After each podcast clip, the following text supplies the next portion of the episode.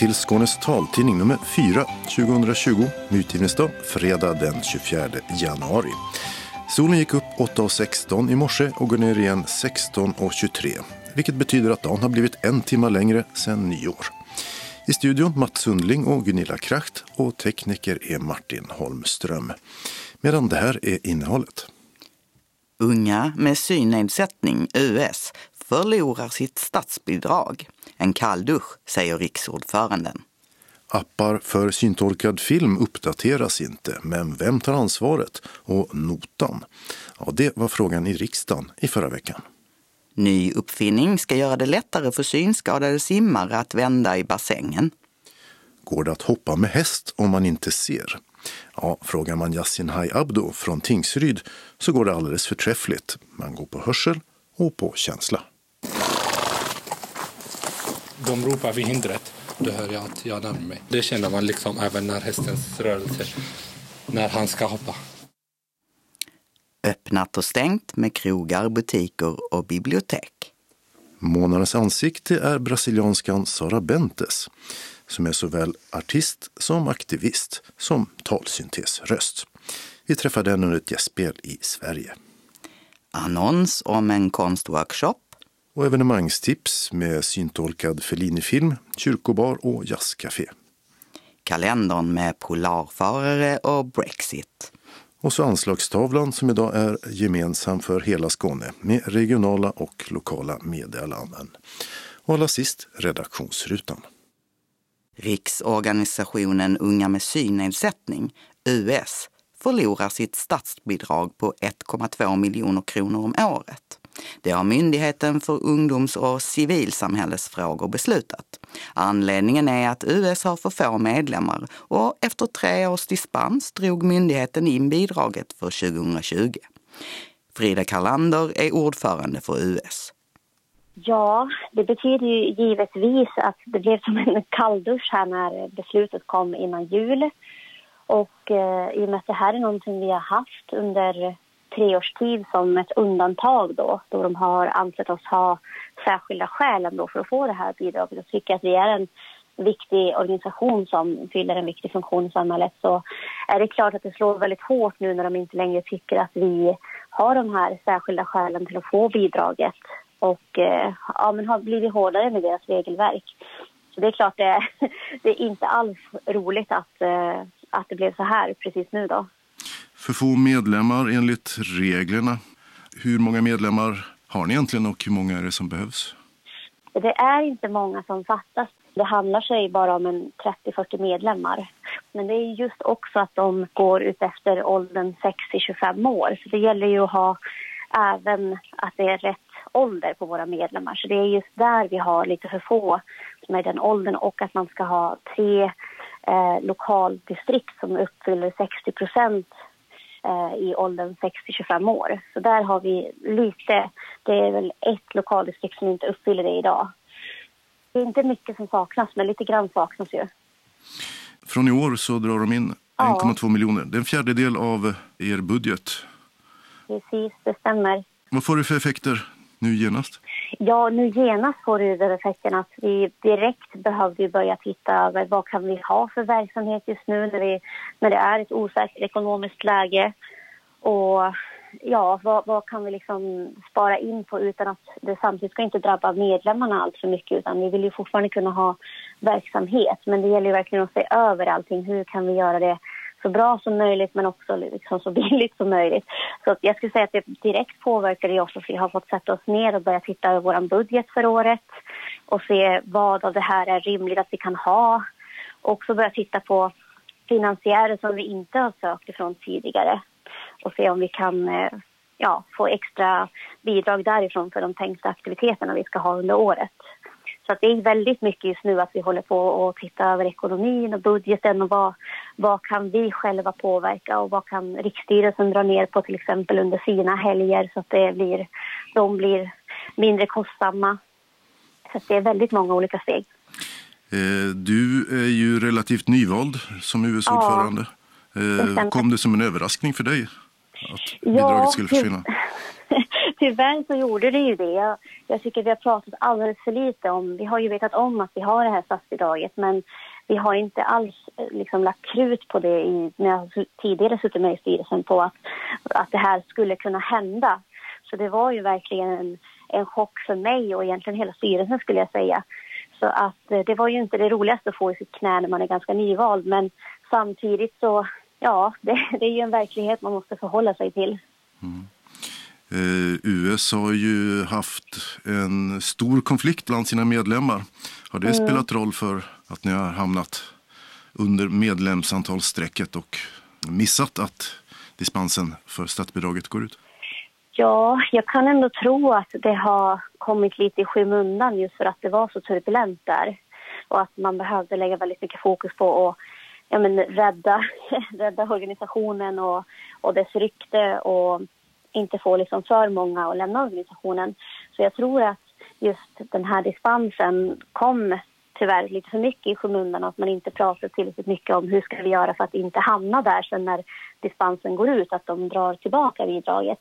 Så att eh, jag tror att konflikten har haft en stor betydelse men också att eh, organisationen har jobbat väldigt mycket med liksom, arbetet utåt men glömt det inre arbetet och jag tycker att man behöver göra båda samtidigt. Hur är stämningen i US nu? Ehm, jag skulle säga att det inte är turbulent på den, på den fronten som det var under just konflikten utan nu är det ju mer att det är väldigt mycket att vi tänker på framtiden just med hur vi ska kunna göra utan det här bidraget. Men jag skulle säga annars alltså stämningen bland medlemmar och våra aktiviteter som vi har är otroligt uppskattade. Så att jag skulle säga att i övrigt så är stämningen väldigt bra. Du sa att ni skulle söka pengar från andra håll. Mm. Är det något ni har några större förhoppningar på? Ja, en, alltså en av våra andra större finansiärer är ju Synskadades stiftelse. Och där kommer vi ju göra en lite högre ansökan det här året och just förklara den här situationen som vi har hamnat i och hoppas på att vi kan kanske få lite mer pengar därifrån. Men det är ju såklart ingenting vi tar för givet utan det får vi ju se. Det är inte i vårt beslut. Fler medlemmar, eh, Eh, kan ni få ja. det? Ja, gud ja. Jo, men det har vi absolut börjat prata om att vi måste intensifiera medlemsvärvningen. Och där har vi redan börjat ett arbete med att vi skickade ut ett väldigt stort medlemsutskick här för bara två veckor sedan och sen ska vi försöka följa upp det också och kolla om folk vill bli medlemmar och, och liksom inte, inte bara släppa bollen nu när vi har skickat ut de här utskicken hem till folk utan också ringa upp och se vars, vars, vars bor våra medlemmar, vad vill de göra, hur kommer det sig att de har lämnat eller hur kommer det sig liksom att de inte har varit aktiva på flera år. Så att det gäller ju att inte bli så bekväm. Jag tror att det är väldigt lätt att bli bekväm med de medlemmar man har men det finns så mycket mer potential. Sa Frida Karlander som är ordförande för Unga med synnedsättning sedan juli förra året. Hon intervjuades av Mats Sundling. I förra veckan diskuterades syntolkad film i riksdagen och kulturminister Amanda Lind sa att hon ska titta vidare på vad som händer med de appar som finns. Syntolkningsappar som Movertalk togs fram av Svenska Filminstitutet men har inte uppdaterats sedan 2015 då projektet avslutades.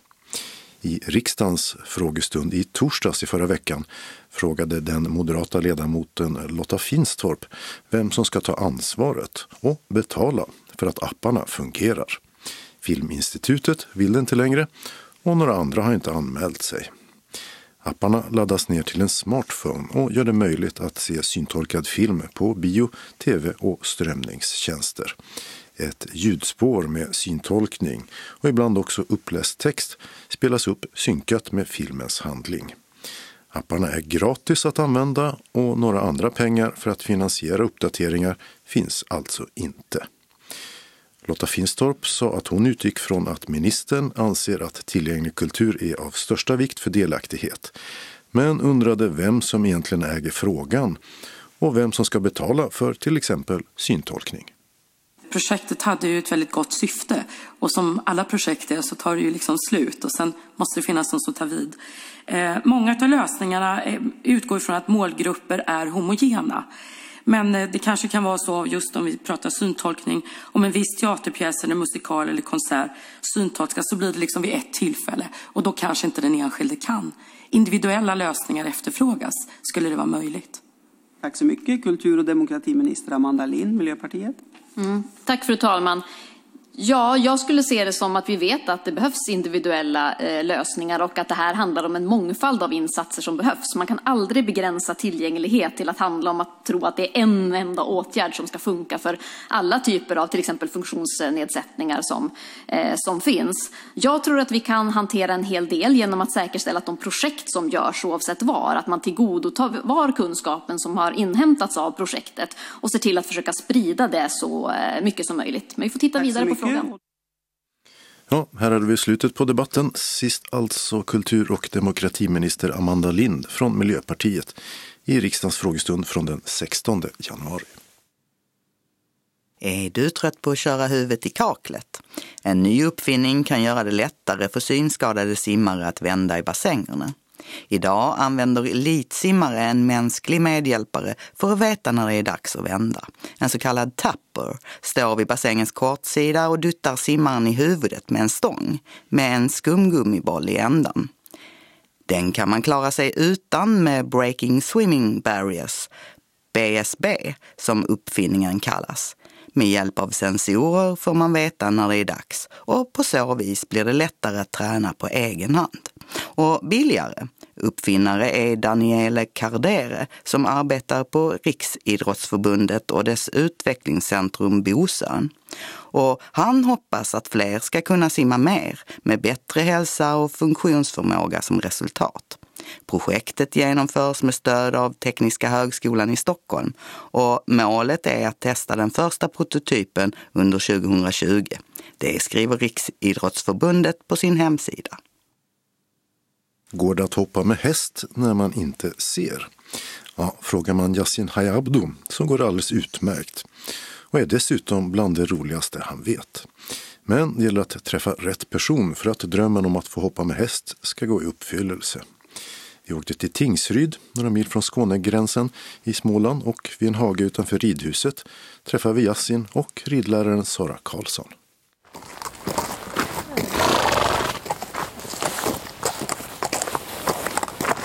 För drygt två år sedan var jag vid campingen med min eh, systers son och hela familjen.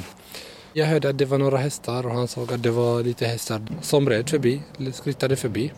Vi var lite nyfikna, eller mycket nyfikna. Tänkte jag ska kolla vad det är där. Det var Yasin och, och hans brorson som var ute och, och promenerade runt här i stallet. Då så frågade jag vad, vad de var för några och så eh, berättade Yasin här och att eh, han var lite intresserad och sa jag att han var välkommen att, att höra av sig till mig om han ville börja rida. Och att ridning är för alla, att alla kan rida. Och jag frågade om man kan få testa eller hur det är om man ska börja rida. Bara, ja men du är välkommen.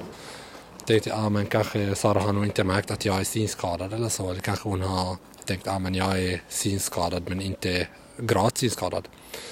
Och då sa jag till Sara, men eh, bara så du vet, jag ser ingenting alls. Bara när det är dag och natt kan jag märka det. Men inget mer. Hon bara, ja ja, men det är lugnt.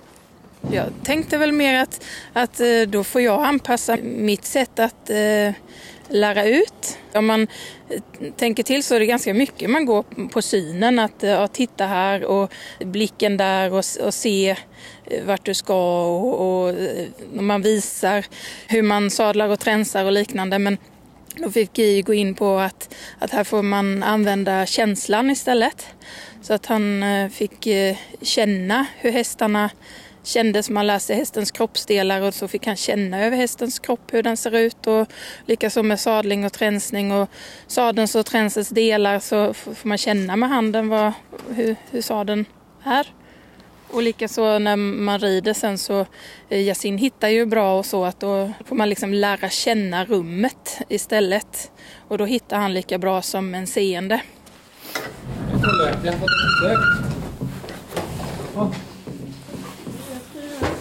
Han kommer nog hälsa snart.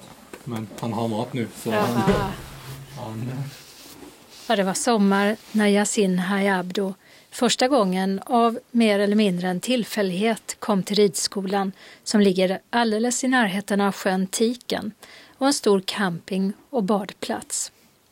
Och det dröjde inte länge förrän Yasin ringde upp Sara Karlsson och sa att han ville börja rida. Men lika viktigt som att rida, det tycker han det är att sköta om hästarna i stallet. Och denna gången så är det en guldbrun fjordhäst vid namn Trolle som ska ryktas innan han blir sadlad. Han kan man lita på faktiskt. Tycker du om att hålla på så här och rykta? Och... För mig, att rikta och att umgås med hästarna är lika viktigt som att rida. Alltså när jag har lektion, har jag kommit någon gång för sent så ja, jag tappar lite så här, att man känner, men ska jag verkligen rida? Då jag hade inte tid att bussa hästen liksom. Ibland när jag känner mig liksom stressad och så. Jag älskar att rikta hästen och bussa liksom. Känner du att du får kontakt med dem då? Jo, det får man. Ibland så brukar jag spela upp någon eh, så här lugn musik bara.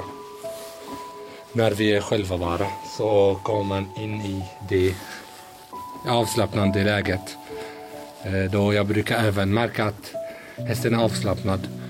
Då står den still. Sen när jag känner sakta på underläppen så känner man att den är rätt så avslappnad.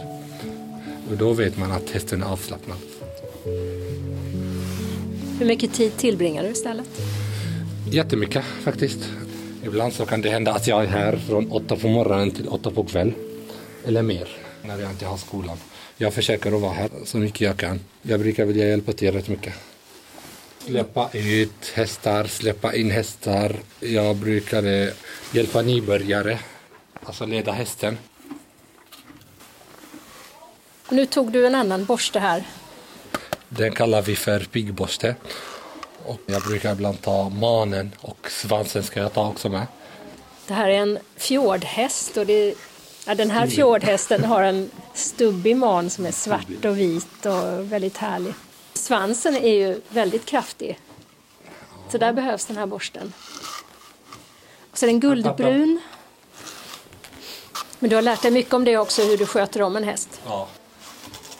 Men vad är det du gillar med att umgås med hästar, tror du?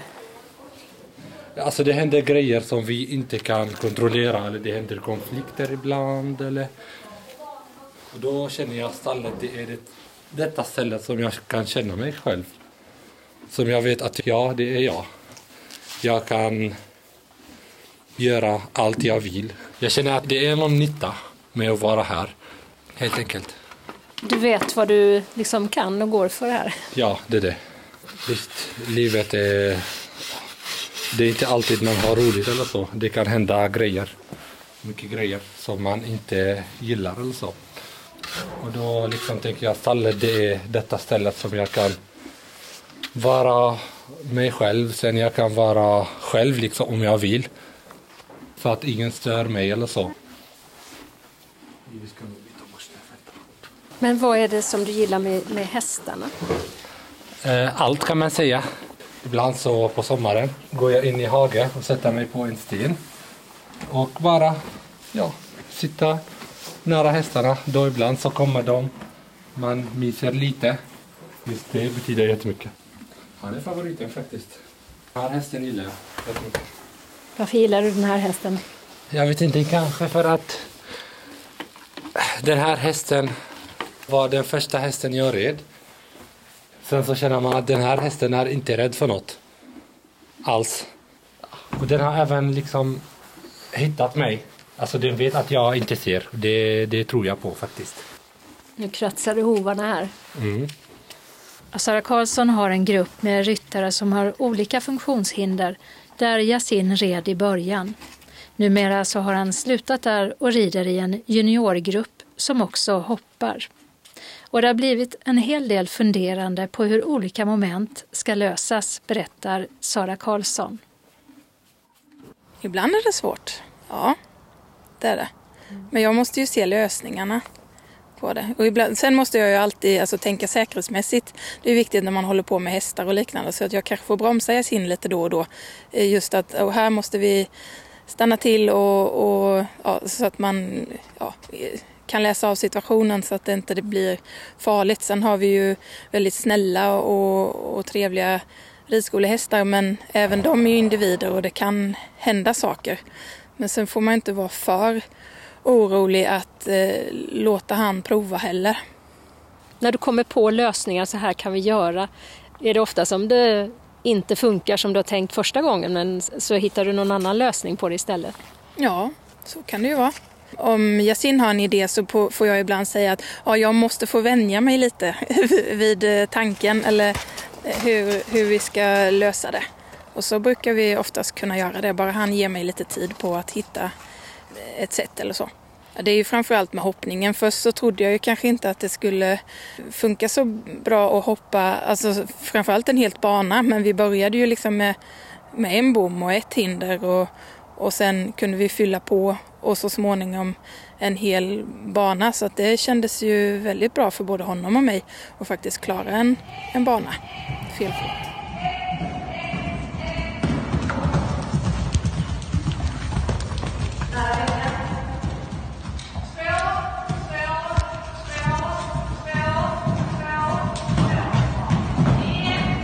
Och det här är ljud från ett Youtube-klipp där Yasin hoppar en så kallad pay and jump-bana på ridskolan i Tingsryd på hästen Trolle. Och han klarar alla åtta hindren felfritt. Vid varje hinder står en person och ropar hindrets nummer så Yasin ska veta var han är i banan. Har du glömt hjälmen Yasin? Ja, men jag kan nog ta den. eh, Jag kan nog vara fri. När jag besöker ridskolan så är det ridlektion för Yasin Hayabdos förra grupp och han får hoppa in tillfälligt. Först blir det skritt ner mot sjön en stund innan lektionen i ridhuset börjar. Det är ganska lerigt efter mycket regn men hästarna skrittar på i lugn takt på skogsstigen efter varandra. När vi kommer tillbaka så tar ridläraren Sara fram ett hinder och sätter upp bommen till Yasin på cirka 60 centimeter. Och plötsligt är det lite mer fart i Trolle än tidigare. Travar igång där. Så ja, hålla ut in till väggen. Där är rätt ja. Vänder upp. Håll i lite, här närmare mig. Så, håll i lite. Där. Ja, det är riktigt. Så det inte går för fort, för han är nästan lite väl Piggelin idag. Han blir nästan lite busig idag. Ja, men du gillar ju fart. Men det får inte gå för fort, för då blir jag ju rädd här. Det gick bra. Ja, gick bra. Det gick jättebra för dig. Ja, för er med. Nu är du färdig. Hur var det att hoppa idag? Jo, det var jätteroligt faktiskt. Dock var det lite för lite bara. Har du velat hoppa längre? Det hade man velat faktiskt. Är du rädd när du rider någon gång? Nej, nej. Jag faktiskt inte. Jag har inte alls varit rädd någon gång. Ja, men något gott till. Kommer lite gott till det. Ja. Men när du står där och så vet du att nu ska jag hoppa ett hinder. Hur gör du då när du sitter på hästen? Vad, vad liksom far genom huvudet? Nej, när jag närmar mig så känner jag att nu måste jag stå upp på lätt sits. Vara beredd för att landa. Sen så måste man alltid vara beredd på att hästen inte ska svänga vänster eller höger. Och hur känner du att nu kommer den snart att hoppa? Genom att de ropar vid hindret, då hör jag att jag närmar mig. Det känner man liksom även när hästens rörelse, när han ska hoppa. Vad är det som är så roligt med att hoppa då? Det är farten för det första. För det andra det är rätt så roligt när man känner sig, alltså när man hoppar. En sån här känsla som inte kan beskriva riktigt. Det känns bara härligt liksom. Upp och landa sen ner igen. Känns det som du flyger? Ja, det är det faktiskt.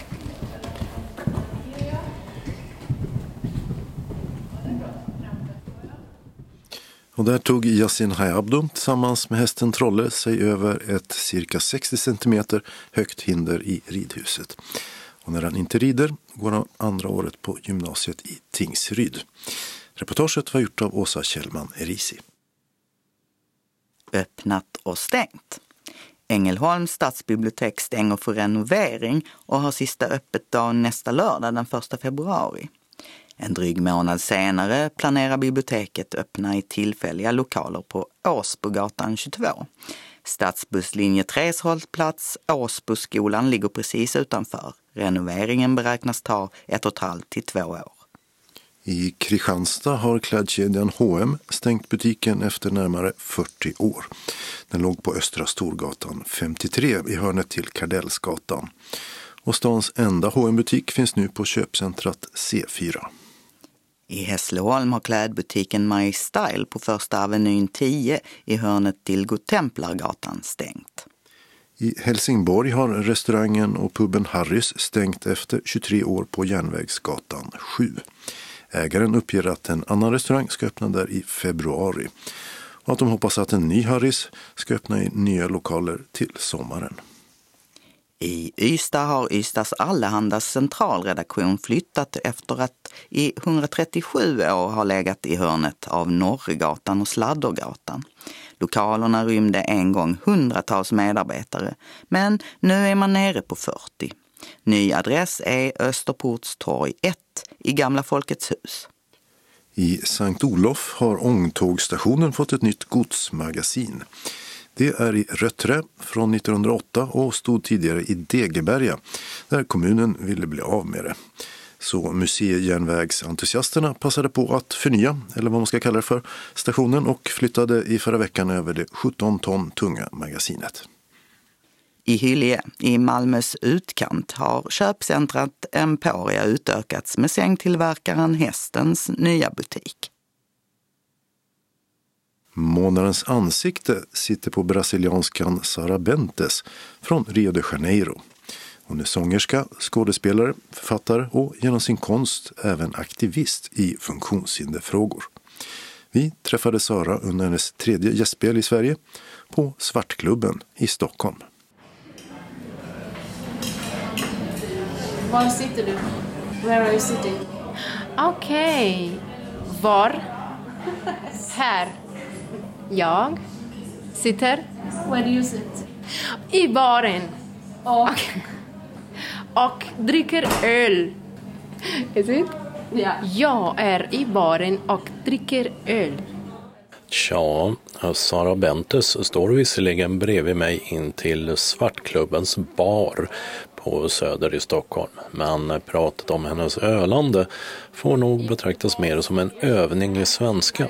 För strax denna kväll ska hon stå i kolmörkret inne i restauranglokalen inför en entusiastisk publik och sjunga. Och här gäller det att komma överens om ordningen på låtarna. Sara, hon vill ha med den brasilianska superhitten The Girl from Ipanema. If we change, if we put Girl from Ipanema instead of uh, Chorosara. It's a, I think it's a good idea.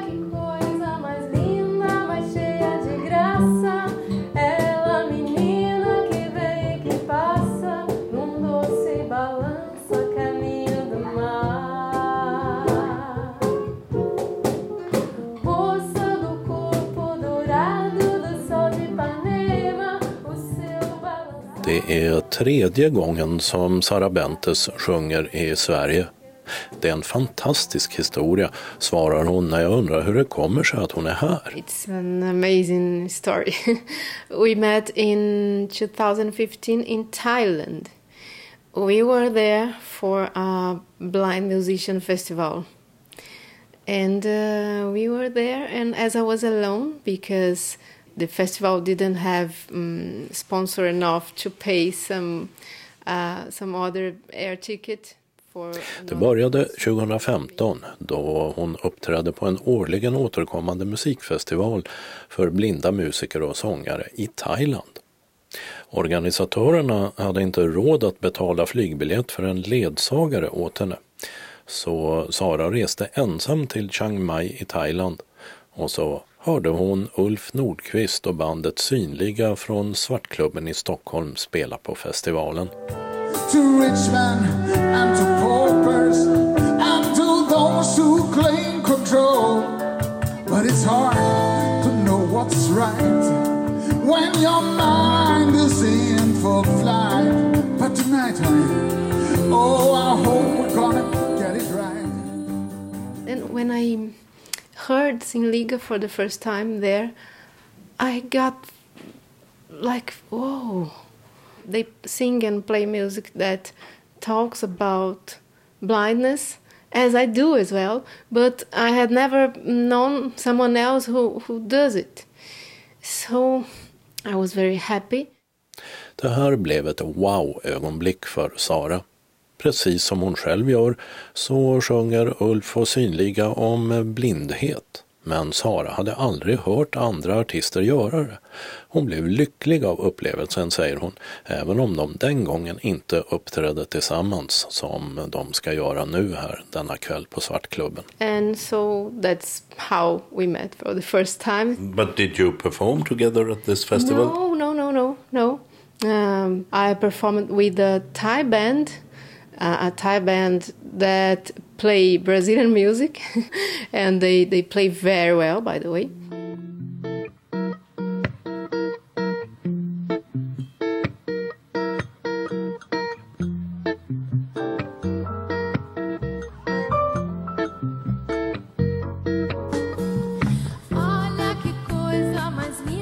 Sara uppträdde med ett thailändskt band som spelar brasiliansk musik. Mycket bra dessutom, säger hon. I Thailand, USA, Argentina och dessutom i Turkiet. Fast då även med artister som har andra funktionsnedsättningar. Ja, Sara Bentes har deltagit i många festivaler med blinda musiker och sångare. Ändå upplever hon inte att det finns ett nätverk, ett community för musiker med synnedsättning. No, I, I, I don't feel it like a, a community. We are not so, how can I say, uh, no, I, I don't have contact with many. Fast med Sverige har Sara etablerat en fast kontakt. Och I Brasilien där betraktas svenskar som vänliga och artiga. Och det stämmer, säger hon med ett skratt. Det märks till exempel ute på gatan. Sara använder ordet discreet, diskret, för att beskriva oss. People here are very discreet and uh, that's amazing and the, the streets on the streets you can't hear a lot of noise and that's amazing because Brazil is a very noisy country sometimes. Det är fantastiskt, säger hon. I Brasilien kan det vara så högljutt. Är det diskreta, det tysta positivt undrar jag? It's positive, yes. Because um, it's like my ears are my eyes as well. Ja, säger Sara, mina öron är också mina ögon och jag behöver tystnaden. I Brasilien kan det vara så att det kommer ljud och musik från varenda butik på en gata. Jag blir så förvirrad av det. We have sound and music coming from every store. I get so confused. Ett ljud som däremot saknas i hennes hemstad Rio de Janeiro är ticksignalerna eller knatterboxarna vid övergångsställen. Det finns en enda sådan och det är vid en skola för synskadade. Uh, in Rio de Janeiro, for example, we have only one. And where is that? Is in front of a blind school. När Sara Bentes och jag talades vid inför intervjun sa hon att hon inte är någon aktivist i synskadefrågor i Brasilien. Men så säger hon apropå frånvaron av ljudsignaler vid övergångsställen i hemlandet att hon nyligen träffat representanter för regeringen och diskuterat just varför det inte finns ljudsignaler och vad som behöver göras för att ändra på det. And I was there talking to some people from the government trying to understand why don't you have it yet? What do we need to make this dream come true? And what was the answer you got? They are trying to understand as well because um, as we have a new government and everyone is trying to adapt. Uh, but they said, oh, it's too expensive. Men alla var nya på sina poster, säger hon, och slutklämmen blev att det är för dyrt. Något Sara säger att hon kan förstå eftersom så många saker i det brasilianska samhället är eftersatta och måste lösas först. Men jag ger inte upp, säger hon. And yes, I understand because in Brazil we have a lot of basic problems that we must solve firstly. But I don't give up. Är inte det politik, undrar jag. Och Sara håller med. But in another way, yes, I do. I know that I do because I'm always trying to to make our life easier. Jag vill göra våra liv lättare, säger hon och berättar att det var under en föreläsning om sina erfarenheter som synskadad i kulturvärlden som hon träffade på regeringsföreträdarna och att hon då genast tänkte vad kan jag göra precis här och nu? Och så pratade jag med dem om trafikljusen, säger Sara. Men mitt huvudsakliga sätt att agera politiskt är genom kulturen. Det är min kallelse i livet. Men betyder det att hon betraktas som en blind sångerska, att synskadan så att säga lägger sig över konstnärskapet? Singer, first of all. I'm an artist, first of all. And uh, my blindness is uh, a detail. I första hand är jag sångerska. Blindheten är en detalj, säger Sara. Och ibland använder jag naturligtvis min konst för att tala om det, men jag är inte min blindhet.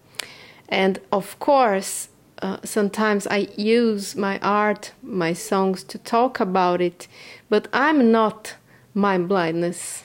Men tror hon då att det finns situationer då publiken ser blindheten mer än artisten? For the audience, it's easier, um, for me at least, to make them understand that I'm a singer, first of all. Uh, but, for example, for the media in Brazil, it's still difficult to understand.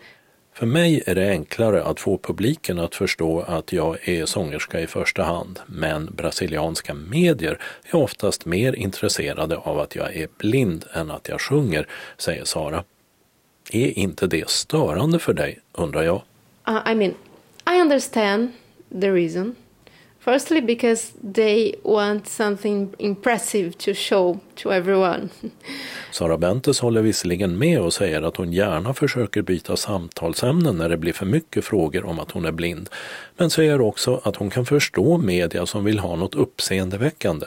Och dessutom vill folk veta mer om ämnet också. Uh, and I think that um, when everyone, or almost everyone, will have the information enough about disability, the media won't, won't uh, approach us like this. Så när allmänheten fått veta tillräckligt om funktionsnedsättningar så kommer medierna inte heller längre att närma sig oss på det sättet eftersom det då inte behövs längre, säger Sara Bentes.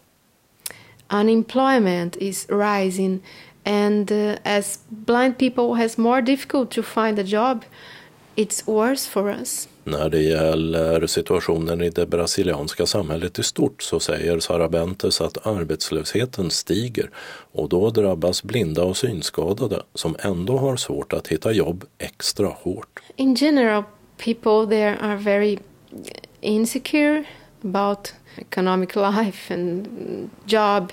Det finns en känsla av osäkerhet bland människor, säger Sara Bentes och jämför med situationen för synskadade i Sverige och säger att det är mycket annorlunda. Allt kostar, ledarhund, vita käppar, allt. Bara kollektivtrafiken är gratis. Och det ekonomiska stöd man får som synskadad räcker inte till att leva på samtidigt som förändringar i pensionssystemet aviseras. Yes, it's, very, it's quite different from here. We must pay for the white cane uh, for the guide dog. Yes, we, we don't have many benefits there. We only don't pay the public transport. Hur ser då vardagen ut för människor med funktionsnedsättning? Har den förändrats under Jair Bolsonaros eh, presidentskap?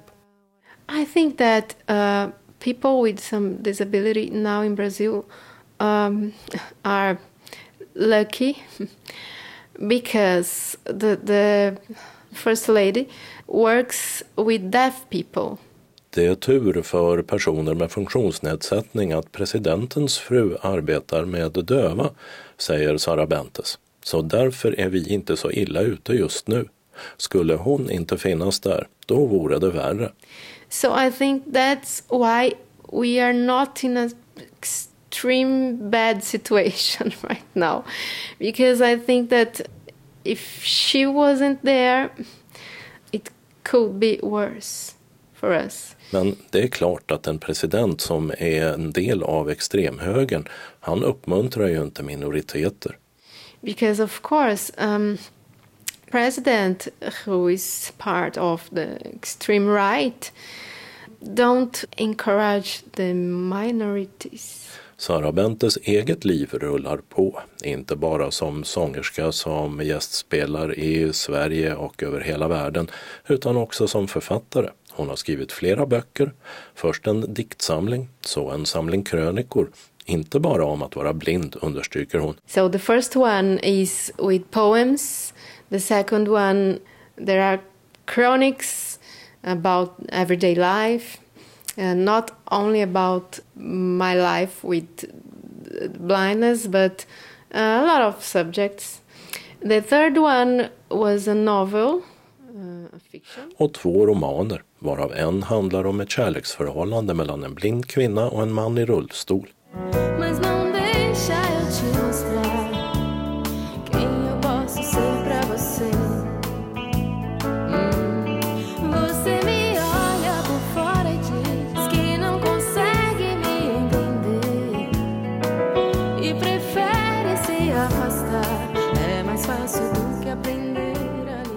Så är Sara också skådespelare. Främst kanske inom mörkerteater med andra blinda skådespelare och där publiken tar del av en föreställning i just det mörker som är skådespelarnas vardag.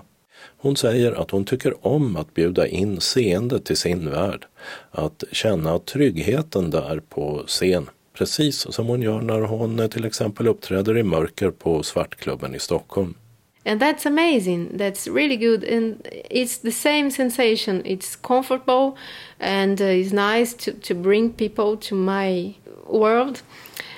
But um, when I am performing in, in the light, it's nice to know that people uh, are looking at me and it's a challenge. Samtidigt säger hon att hon tycker om utmaningen i att uppträda i ljus, att röra sig, att dansa, men inte som seende gör, utan på sina egna villkor, vilket för övrigt också innefattar akrobatik. Uh, we can develop more with challenge. Sara Bentes säger att brasilianer är ett överbeskyddande folk, inte bara när det gäller personer med funktionsnedsättning, utan inom familjer i allmänhet. Överallt. People in Brazil are very overprotective in general, not only with people with disability, with everyone, with kids, with uh, sons and daughters, with everyone. It's not so good for us who have some disability. Uh, Was that the case for you too in your family? yes, but uh, Var det så i din familj också undrar jag? Och så säger Sara något som kanske låter ana var hennes egen företagsamhet kommer ifrån. Uh, she was already a teacher, so she became a, a teacher for blind people. Först var hennes mamma som var lärare överbeskyddande. Men så blev hon lärare för blinda för att lära sig förstå hur man skulle handskas med ett blint barn.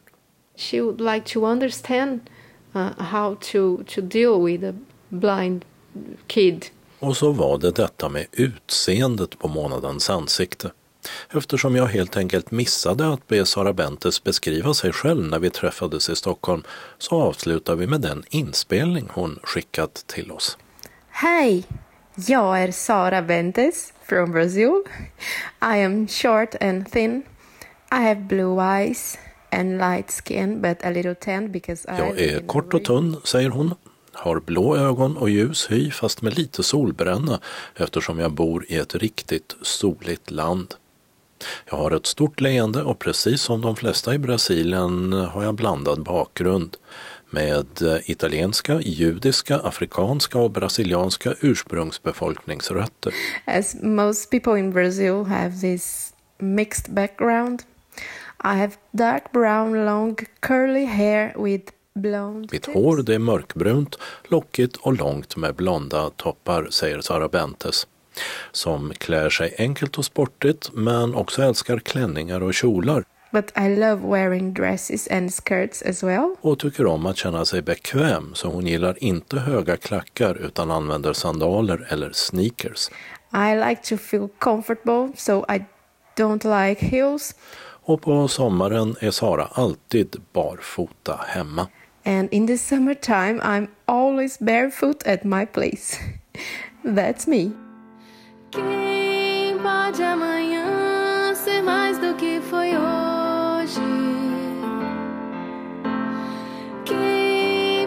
Chorar esta noite e acordar sorrindo?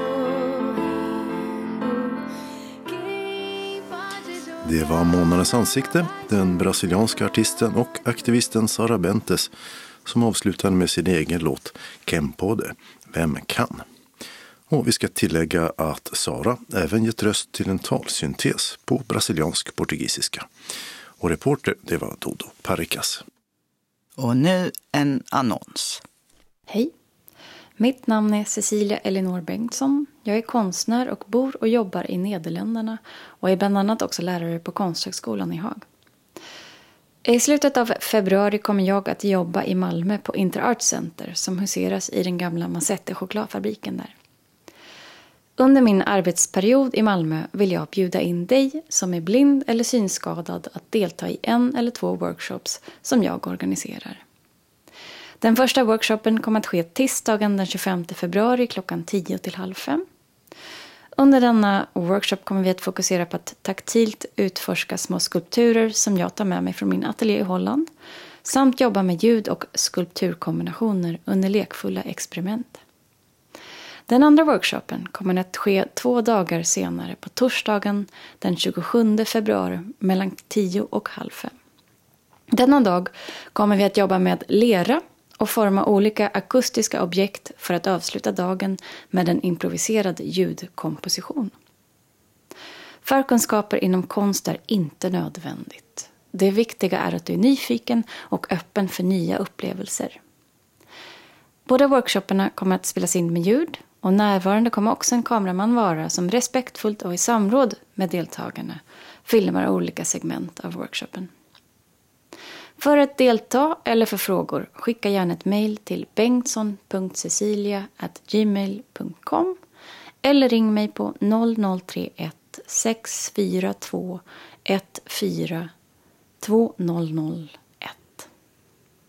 det finns möjlighet till betald färdtjänst till workshopparna och lunch och fika ingår. Hoppas att vi ses. Evenemangstips och vi börjar med en syntolkad filmklassiker. Det är den 100-årsjubilerande Federico Fellinis Oscarsvinnare 8,5 från 1963 som fått syntolkning och uppläst text för tv, dvd och VOD, alltså strömningstjänster. Huvudrollerna spelades av de italienska stjärnorna Marcello Mastroianni och Claudia Cardinale samt fransyskan Anouk Aimé. Filmen den handlar om regissören Guido Anselmi, ett porträtt av Fellini själv, spelad av Mastroianni, som försöker komma igång med en ny film, men störs både av sina inre blockeringar och människor som vill jobba med honom. Samtidigt så levererar han in sig i en rad drömmar och sidohandlingar. Ett något oväntat program erbjuds ikväll, fredagen den 24 januari klockan 19 i Broby kyrka med insläpp en timme tidigare. Det är ett konsertkoncept kallat Broby Live där Marcus Johansson från Glimåkra ska spela egen musik. Det oväntade är skinnsoffor i koret för en bekvämare sittmiljö och baren samt loungen på annan plats i kyrkan. Starkvaror blir det dock inte utan lätt lättöl och tilltugg. Arrangemanget görs i samarbete med studieförbundet Sensus och funkar upplägget så blir det en ny konsert den 29 februari. I Helsingborg satsas det på konst och kulturupplevelser för alla funktionsvariationer. Fram till den 31 januari varar Dunkers kulturhusprogram Tema funktion som invigs imorgon den 25 januari med en rad evenemang mellan klockan 11 och 17. Resten av veckan riktar sig många programpunkter till skolor. Annat är för alla, till exempel en öppen workshop i dans och konst med danspedagogen Gun Källström och bildpedagogen Rita Winde. Imorgon lördag klockan 11 till 12 samt 14 till 15. På onsdag den 29 januari klockan 17 spelas föreställningen När Lillan kom till jorden med Östra Teatern. Pjäsen ska berätta om mötet mellan föräldrarna och vården när barnet har en funktionsvariation. Klockan 18 samma onsdag spelas ett utdrag ur pjäsen Syret i lågan med Sundsgårdens folkhögskola. Och torsdag den 30 januari klockan 11.30 och en timme framåt är det pianokonsert med Ragnhild Lindblom i Atriet.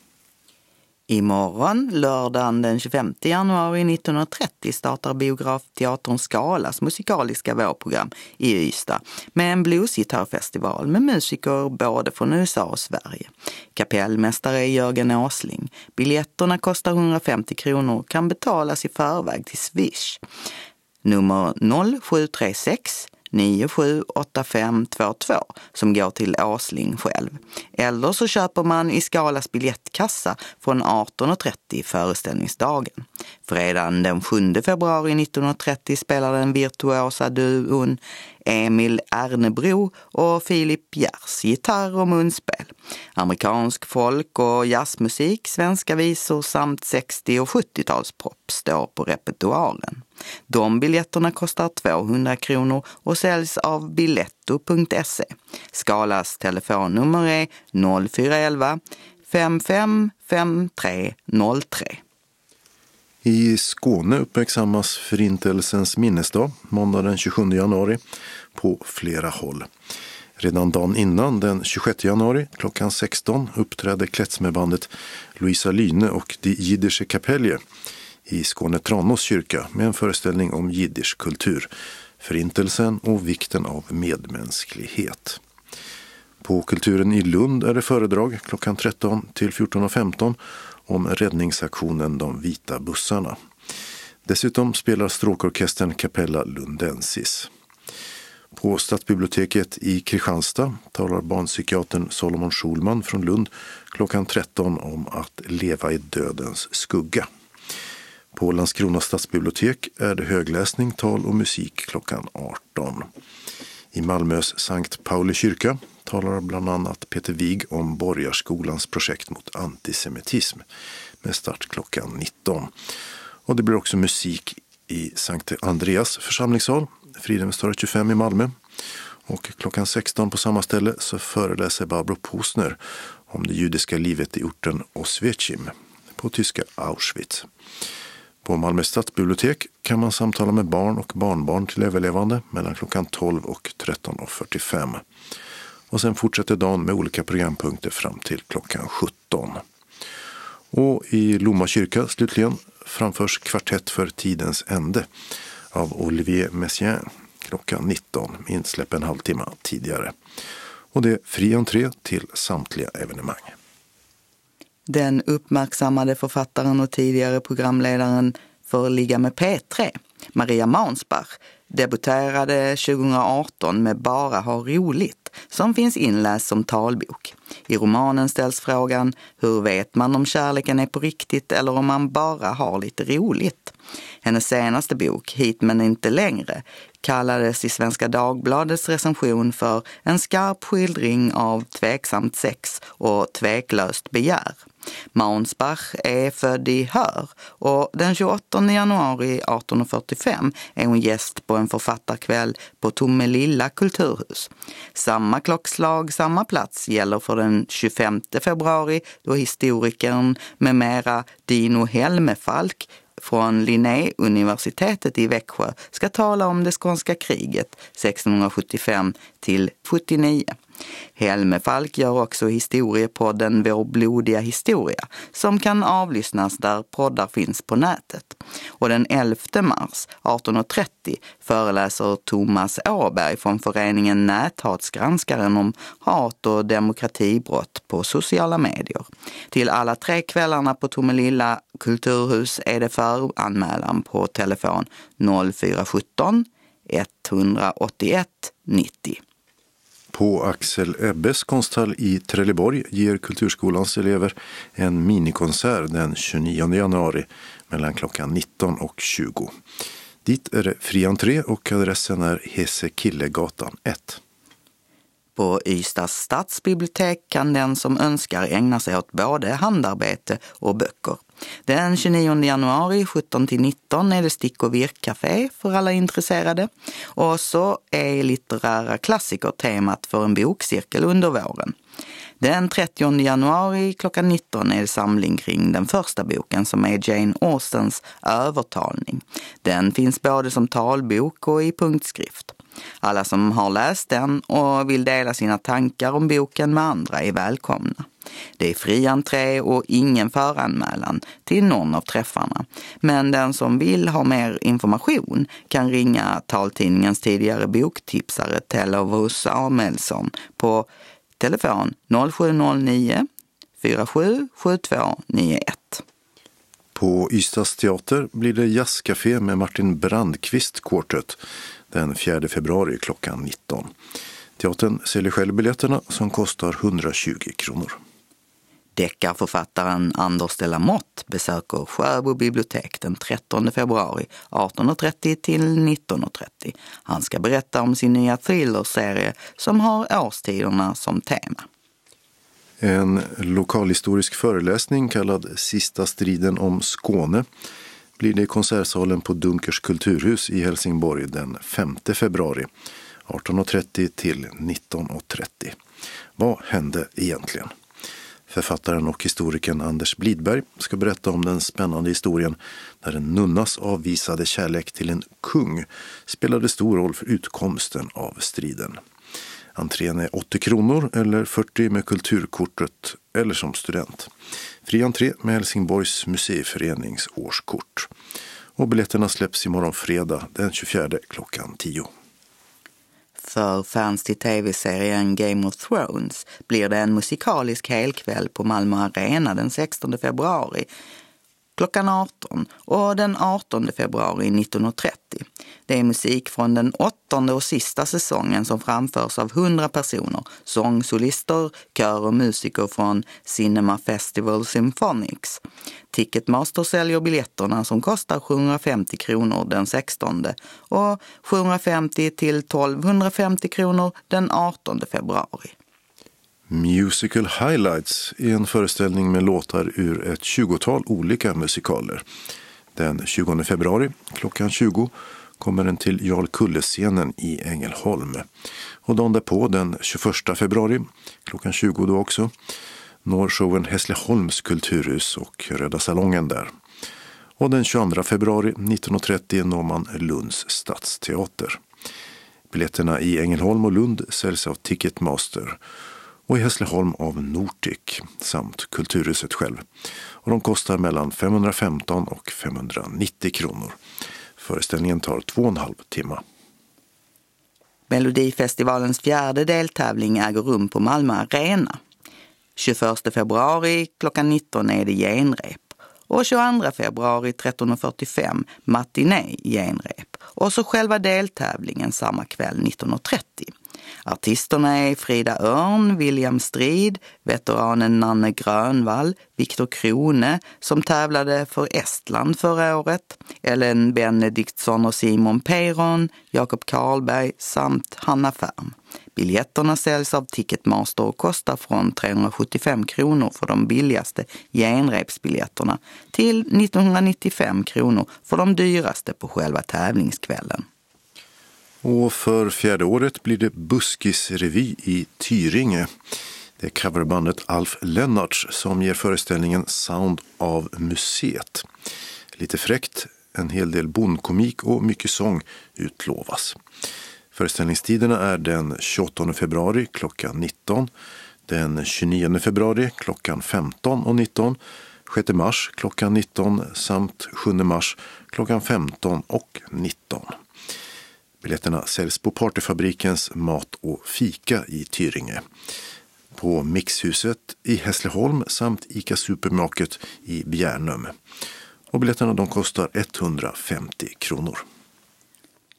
biljettinformation.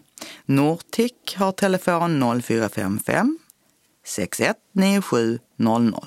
Ticketmaster har 077 170 7070.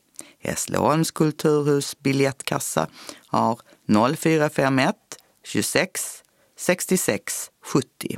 Malmö stadsteater 040 20 86 10. Dunkers kulturhus och biljettbyrå 042 10 74 00 och Ystads teater 0411 577 199. Kalendern för årets femte vecka börjar på måndag den 27 januari som är Förintelsens minnesdag. Precis 75 år har gått sedan sovjetiska styrkor befriade koncentrationsläget Auschwitz väster om Krakow.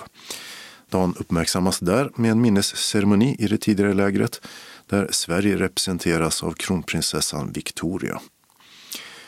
På dagen för 200 år sedan nåddes Antarktis av en rysk expedition ledd av den baltiska amiralen Fabian Gottlieb von Bellinghausen ombord på fartyget Vostok som betyder öster. Bellinghausen var därmed en av flera upptäckare av Antarktis just 1820.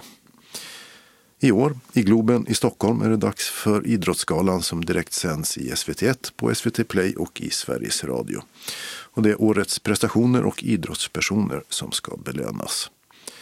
2017 var den synskadade skidåkaren Sebastian Modin nominerad till årets manliga idrottare. Men i år saknas idrottare med funktionsnedsättning. Och 80 år fyller en anrik Malmölokal på Amiralsgatan. Den 27 januari 1940 öppnades den som biografen Amiralen. Inte att förväxla med danslokalen intill. 1965 byggdes den om till Nya Teatern, eller Nyan, och var en del av Malmö stadsteater fram till 1988.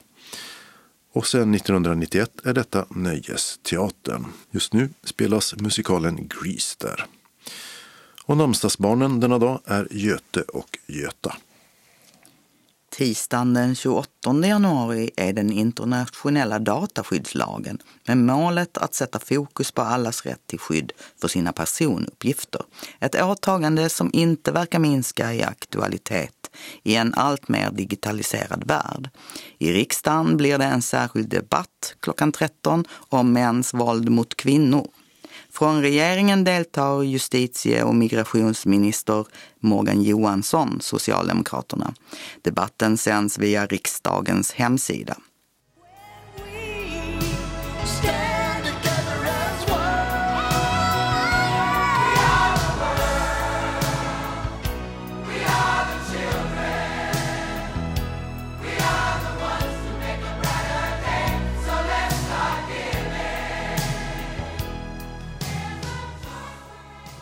För 35 år sedan spelades den här låten in för en amerikansk biståndssatsning till svältande i Etiopien.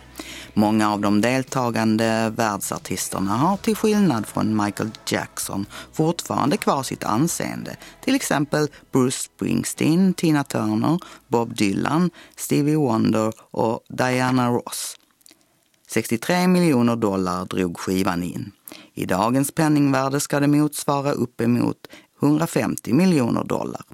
65 år fyller den tidigare franske presidenten Nicolas Sarkozy som besatt ämbetet 2007 till 2012. I höst ställs han inför rätta anklagad för korruption. Karla och Karl har namnsdag och därmed även kungen. Onsdagen den 29 januari 1860, alltså för precis 160 år sedan, föddes den stora ryska författaren och dramatikern Anton Tjechov, aktuell världen över än idag. Och 75 år fyller Magnum, och då inte glasspinnen utan den amerikanska skådespelaren Tom Selleck, mest känd som just privatdeckaren Magnum i tv-serien med samma namn. Och namnsdagsbarnet denna dag heter Diana. Torsdagen den 30 januari är Gunillas och Gunhilds namnsdag. 90 år fyller den amerikanska skådespelaren Gene Hackman som bland annat synts i filmerna Bonnie och Clyde, French Connection, Mississippi brinner och De skoningslösa. Två Oscars har det blivit för Hackman som numera har lagt skådespelandet på hyllan. För 50 år sedan inleddes för första gången ett statligt samarbete mellan ett NATO-land och en medlem i Warszawapakten. Det var Danmarks Radio som började utbyta material med östtysk radio. Och så fyller Pamela Ewing i den gamla tv-såpan Dallas, närmare bestämt skådespelaren Victoria Principal, 70 år. Fredag den 31 januari är det Ivar och Joar som har namnsdag. Och detta är faktiskt den sista dagen som Storbritannien är medlem i EU. Åtminstone formellt sett. En lång rad praktiska frågor i samband med utträdet är inte lösta. Lördagen den 1 februari är den första dagen på en extra lång månad, för att vara februari alltså. Det är skottår i år och februari har 29 dagar. 55 år fyller skådespelerskan och sångerskan Petra Nielsen. Främst känd för stora musikalroller på 1980 och 90-talen. Som Roxy Hart i musikalen Chicago nådde hon även scenerna i London och på Broadway. I Malmö har Petra Nielsen synts som mamma Morticia i humorskräckisen Familjen Adams. Max och Maximilian har namnsdag. Brigida däremot fick bara vara med till 1822. Söndag den 2 februari är det ingen som har namnsdag. Däremot så är det kyndelsmässodagen som infaller 40 dagar efter Jesu födelse och är den dag då Maria ska burit fram sitt barn i templet. På dagen 30 år har gått sedan Sydafrikas president de Klerk tillkännagav att partiets ANC tilläts och att dess fängslade ledare Nelson Mandela snart skulle friges. Den regionala anslagstavlan börjar med att SRF Malmö hälsar SRF-are från hela Skåne välkomna till en syntolkad teaterföreställning. Vi ska se Prekariatet, en helt nyskriven föreställning baserad på dokumentära berättelser från dagens Malmö. Torsdagen den 19 mars äger detta rum och samling 18 och 15 på Intiman, Östra Rönneholmsvägen 20 i Malmö. Föreställningen börjar klockan 19 och håller på i en timme och 30 minuter. Handlingen. Har du hört talas om gig-ekonomin, alltså fasta anställningar som ersätts av tillfälliga gig? Du ser dem i stadsbilden överallt. Uppkopplade hipsters på café med tusen järn i elden. Visst ser det lätt och härligt ut. I själva verket brer sig ett glorifierat nytt proletariat ut. I fattiga medborgare utan garantier, socialförsäkring och pension. Roligt, sorgligt och viktigt om vår tid. Ackompanjerat med a cappella-sång och nyskriven folkmusik. Priset är 220 kronor per vuxen. Betalning sker med inbetalningskort som skickas hem. Biljetterna delas ut på plats. Vi har förbokat ett begränsat antal platser. Medlemmar från andra delar av Skåne är också välkomna. För medlemmar utanför Malmö utgår reseersättning som vanligt från SRF Skåne mot kvitto inom tre månader efteråt. Anmäl dig till SRF Malmös kansli på 040-25 05 40 eller info srfmalmo.se senast måndagen den 3 februari. Vid anmälan berätta om du behöver lur och eller ledsagning. Och skulle ni ha frågor innan föreställningen eller behöver komma i kontakt med någon så kan ni ringa Maj-Britt Ryman som har telefon 070 324 6609. Hjärtligt välkomna önskar styrelsen. Så ett meddelande från SRFs riksförbund. Och det är nominerat till Synskadades stiftelses hederspris. Vem tycker du borde uppmärksammas för sina insatser för ljudboken?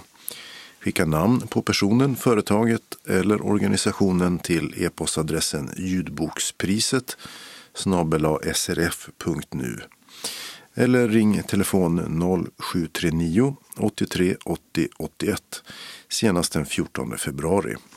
Mer information finns att få på samma nummer. Synskadades stiftelses hederspris består av ett stipendium på 25 000 kronor och delas ut under ljudboksgalan Storytel Awards på Berns i Stockholm den 2 april. Den lokala delen av anslagstavlan. Först tre meddelanden från SRF Helsingborg Höganäs som först har information från sin valberedning. På månadsmötet i februari ska vi nominera kandidater till valen på årsmötet avseende styrelsen och ombud till representantskapet. Valberedningen vill ha in förslag från medlemmarna. Kontaktuppgifter till valberedningen. Lennart Järmundsson som har 042 21 48 82 och Börje Kylenstierna som har också 042 30 17 217 eller 0703 22 04 44 samt Solveig Martinsson som har 042 16 21 41. Och så startar SRF Helsingborg Höganäs sina onsdagsträffar den 29 januari och de pågår 13 till 15.15 15 i lokalen på Vaktgatan 3. Äntligen är det dags att spela bingo. Fikaavgift 30 kronor. Bingobrickor kostar 10 kronor styck. Anmälan sker till kansliet. Och SRF Helsingborg Höganäs har också en träff i Höganäs tisdagen den 4 februari klockan 13 till 15.30. Vi börjar med lunch. Meddela vid anmälan om du vill ha fisk eller kötträtten. Därefter får vi information från två bibliotekarier. Deltagaravgift 50 kronor. Anmäl dig till kansliet.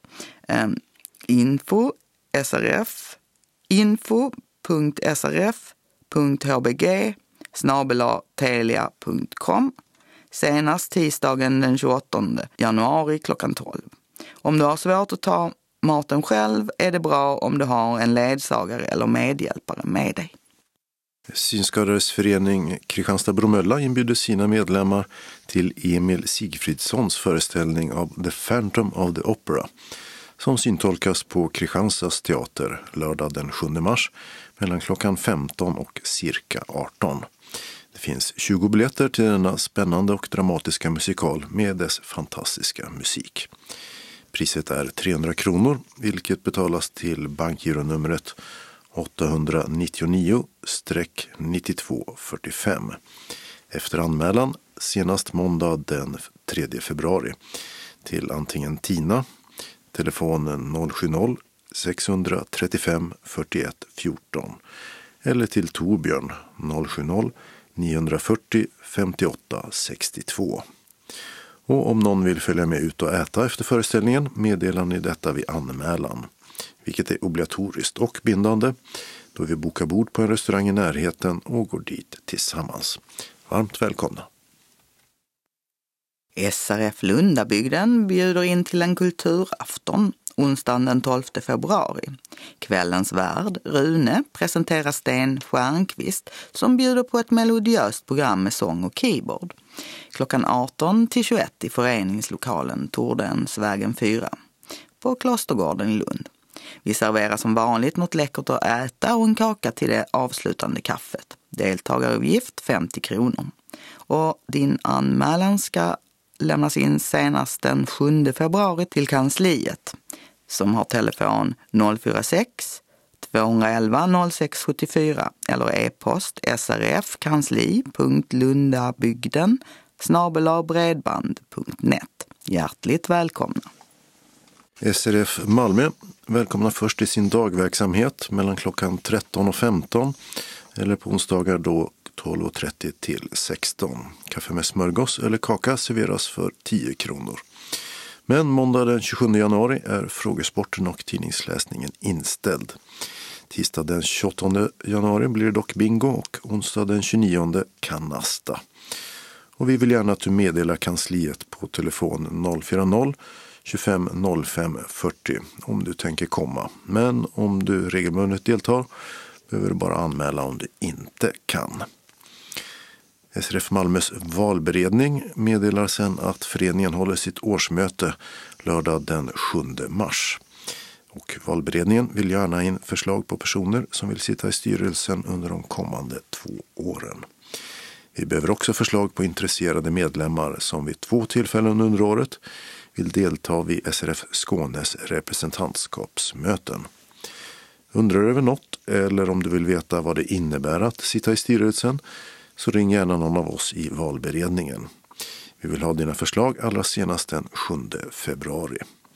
Hör av dig till antingen Kerstin Ekström på telefon 072 200 8850 eller Mikael Haraldsson 070 562 62 87 eller till Uröbritt Rönnhage som har 070 230 04 84. Synskadades förening SRF Trelleborg med omnejd bjuder in till bowling på Söderslättshallen, Klärupsvägen 48 i Trelleborg, lördagen den 1 februari klockan 15 till cirka 17. Vi startar året med bowling. Denna gång provar vi banorna på Söderslättshallen i norra delen av Trelleborg, cirka två kilometer från tågstationen. Ta gärna lokalbuss 2, hållplats Söderslättshallen. Vi spelar mellan 15 och 16. Vi samlas vid huvudentrén kvart i tre, 14.45, så vi hinner prova skor och går i samlad tropp till bowlinghallen som ligger i bottenplan. När speltiden är slut bjuder föreningen på pizza eller hamburgermeny i hallens sportbar. För att det ska bli så smidigt som möjligt är det en klassisk capricciosa som gäller. Den innehåller tomatsås, ost, skinka och champinjoner. Anmäl dig senast den 24 januari till Helena på telefon 0706 42 21 76 eller e-post 1 Helena Lindell gmail.com. En etta och så Helena Lindell som ett ord. Glöm inte att berätta vad du vill äta. Välkomna hälsar styrelsen. Inbjudningarna avslutas med en från SRF Ängelholm Båstad som härmed kallar samtliga medlemmar till årsmöte den 22 februari klockan 11 till 14.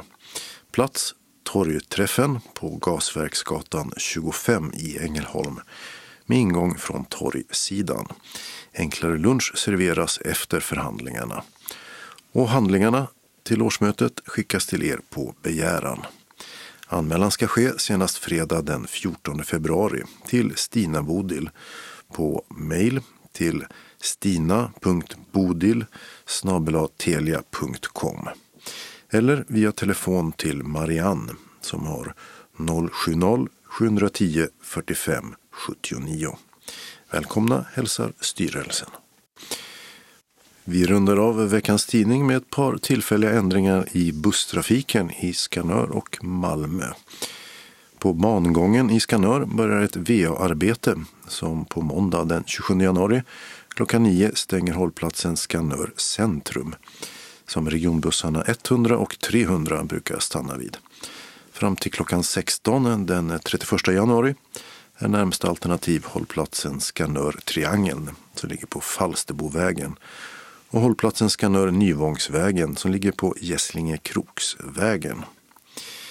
I Linnegård som ligger mellan Limhamn och Hyllie i södra Malmö då, byggs det mycket nytt och stadsbusslinje 1 den förlängs på torsdag denna vecka och får några nya hållplatser på Annetorpsvägen och Elinelundsvägen. Nämligen Djupadalsstigen, Kalkbrottsplatsen och Elinelundsskolan. Och det beskedet, det var det allra sista i veckans Skånes taltidning. Nästa nummer nästa fredag den 31 januari. Skånes taltidning ges ut av Region Skånes psykiatri och habiliteringsförvaltning. Ansvarig utgivare är Martin Holmström. Postadress Jörgen Ankersgatan 12, 211 45 Malmö. Telefon 040-673 0970. E-post Skanes taltidning snabela skane.se och hemsida skanestaltidning.se. Observera att CD-skivorna inte ska skickas tillbaka till oss. Såväl skivor som kuvert kan läggas i brännbara sopor när ni inte längre vill ha dem. Vi hörs igen, hej då!